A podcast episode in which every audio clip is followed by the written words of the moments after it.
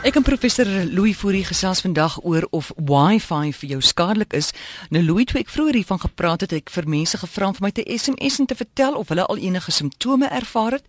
En iemand skryf hier, hy sê as jy in Amerika woon, kry jy breinkanker van jou selfoon en jy kan keelkanker kry van sing in die stort. Jy sal daar altyd een of ander soort kanker kry. Jy weet die Amerikaners is mos so paranoïes. Hulle is baie ernstig oor die ja, saak. Baie baie. Nou vertel gou vinnig, wat is Wi-Fi? Weet jy uh Amore Wi-Fi is 'n tegnologie wat vir ons dit moontlik maak om data koordloos tussen elektroniese apparate uit te ruil. Kyk voor Wi-Fi het ons mos ons rekenaars en uh, ons reek uh, met mekaar en dan ook aan die internet verbind deur middel van kabels. Maar nou uh om data dan nou uit te ruil, nou koordloos soos ek sê, gebruik Wi-Fi dan radiogolwe en dit is in die frekwensie van so 2.4 GHz en dan ook 5 dit is die ultra hoë frekwensie en dan die super hoë frekwensie van 5.8 uh gigahertz. Nou mense wat wat dit nou ken sal dadelik weet of dit raak hier in dieselfde rigting as 'n mikrogolf oond, mikrogolwe. Nou Wi-Fi was aanvanklik natuurlik 'n handelsmerk. Uh En uh, ons gebruik dit vandag heeltemal anders want vandag is dit nou 'n sinoniem vir hierdie koordlose netwerk of lokale area netwerk. En die Wi-Fi standaard word aan baie baie apparate aangetref.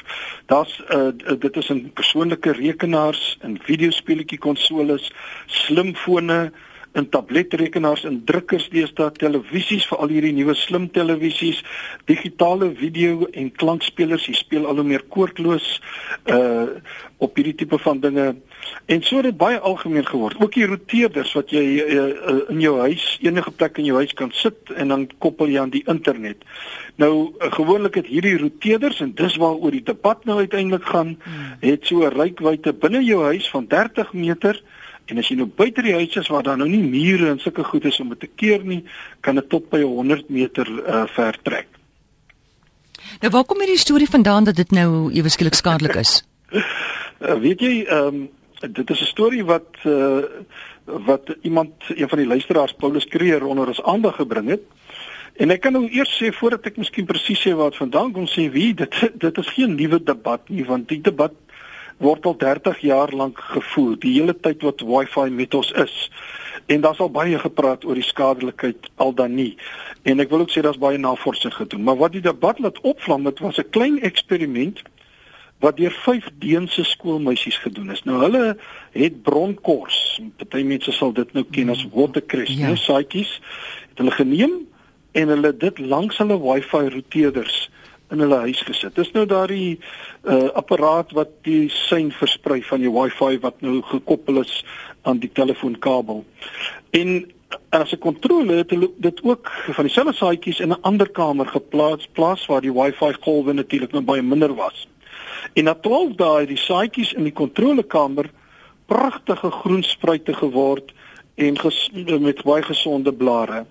Maar die saaitjies wat uh, naby of langs die Wi-Fi roteerder gestaan het, was brein en vervrommeld en sommige gevalle uh, het hulle toe gerapporteer dat dit self gemuteer snaakse blare gevorm, snaakse tipe van dinge gevorm. En hieruit het hierdie jong meisies toe nou afgelei gesê, kyk, Wi-Fi golwe mm.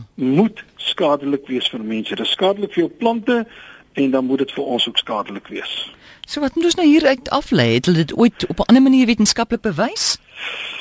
Nie die nie die jonge dames nie. Kyk, ek dink hierdie uh hierdie uh, studie van hulle is nou baie interessant en 'n mens kan nou lekker daaroor mm. gesels, mm. maar ek dink nie dit was baie ge, gekontroleerd nie. Ek dink nie soos ons praat het hulle al die medierende faktore sien net maar soos hitte uitstraling van die roteerder of die algemene hitte van die kamer. Uh, al die tipe van goed is nie gekontroleer nie en 'n mens moet dit baie baie presies doen. Maar kom ek sê wel, hulle het die aandag van navorsers maar net weer getrek en daar is baie mense wat nou weer na hierdie saak kyk. Maar kom ek sê, daar is al talle studies hieroor gedoen.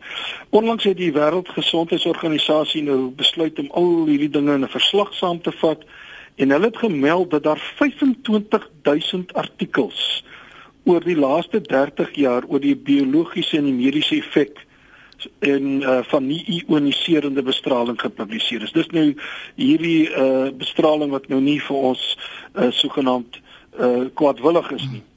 Nou geen van hierdie navorsingsprojekte kon die nadelige effek van die blootstelling aan wifi of elektromagnetiese velde soos hulle dit nou sê kon dit bevestig nie. Wat wel hulle sê onder verder ondersoek moet word, is wat ons nog nie seker is nie, is die impak van selfone op kinders wat 10 jaar of langer 'n selfoon gebruik. Hulle glo daar kan 'n impak wees eh, want kinders is natuurlik nou baie meer vatbaar vir bestraling. Maar wifi en mm. al hierdie artikels en al die navorsingsprojekte kon nog nooit bewys word eh, dat dit vir ons nadelig is nie. Jy het verwys na nie ioniserende bestraling wat nie skadig is nie. En wat het beteken dit met betrekking tot Wi-Fi? Weet jy, uh, amore die elektromagnetiese spektrum uh, wat ons nou ken, strek ons van lang radiogolwe aan die een kant tot korter gamma strale uh, aan die ander kant. En hier iewers tussenin is die ou stukkie wat ons kan sien, die waarneembare lig.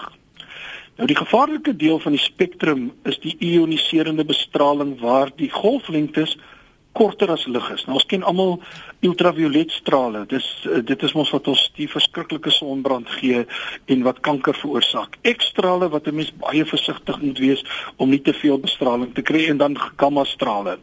Aan die ander kant lê die nie-ioniserende golflengtes wat langer as lig is en dis nie gevaarlik vir ons gewoonlik nie. En dis infrarooi strale, dit maak lekker warm, ja, maar dit uh, kan jou nie seermaak nie. Mikrogolwe, radiogolwe, al daardie dinge lê daar. En as jy mens nou kyk na Wi-Fi, die 2.45 en die 5.8 GHz bande, dan uh, val dit nou saam met mikrogolfoonde en saam met baba monitors en saam met radiobeheerde speelgoed en saam met koordlose fone uh en selfs selfone val almal in hierdie wat hulle sê die veilige 'n uh, uh, band. Nou, ons moet ook onthou, ek dink daar's nog 'n ding wat baie belangrik is om te weet dat energie van nie-ioniserende bestraling veel laer is as ioniserende bestraling. Wi-Fi en radiogolwe volg wat ons noem die wet van dalende vierkante. Net soos lig, net soos klank en net so swaartekrag. Elke keer wat die afstand van die bron, sien nou maar in hierdie geval die roteerder verdubbel, word die energie deur 4 gedeel. Dit is maar net 'n kwart daarvan. So as jy dis nie by die roteerder is nie, dan is die intensiteit veel minder, amper negeerbaar soms. En dit verskil sê die geleerdes ook nie van die kosmiese agtergrondbestraling wat daar in elk geval is nie. Selfone natuurlik is veel gevaarliker. 'n Mens sal 'n hele jaar in Wi-Fi golwe moet sit om dieselfde bestraling te kry as 'n 20 minuut oproep. So ek wil sê mense moenie oor Wi-Fi bekommerd wees nie. Dalk miskien wel oor selfone, maar dis 'n ander dag se gesprek. Nou, Hulle sê die bestraling van 20 skootrekenaars en twee roteerders is rofweg gelyk aan die van een selfoon. Jo. Nou nou kortliks. Ach, dankie vir daai wonderlike woorde. Kortliks diegene mense wat nou bekommerd is oor hierdie Wi-Fi strale, wat kan hulle doen? Ek sal vinnig sê, ek dink ons moet fokus op die grootste risiko's. Moenie bekommerd wees oor Wi-Fi nie, maar kyk wel na jou selfoongebruik. Mense dit word aanbeveel deur die Wêreldgesondheidsorganisasie dat jy 'n kopstuk gebruik mm. liewers of die Amerikaners. Jy sien hulle mos altyd loop met die luidsprekers aan. Hulle loop in hulle hand. Hulle hou dit glad nie naby hulle brein nie. Daar is studies wat wys dat dit breinaktiwiteit verhoog en so meer.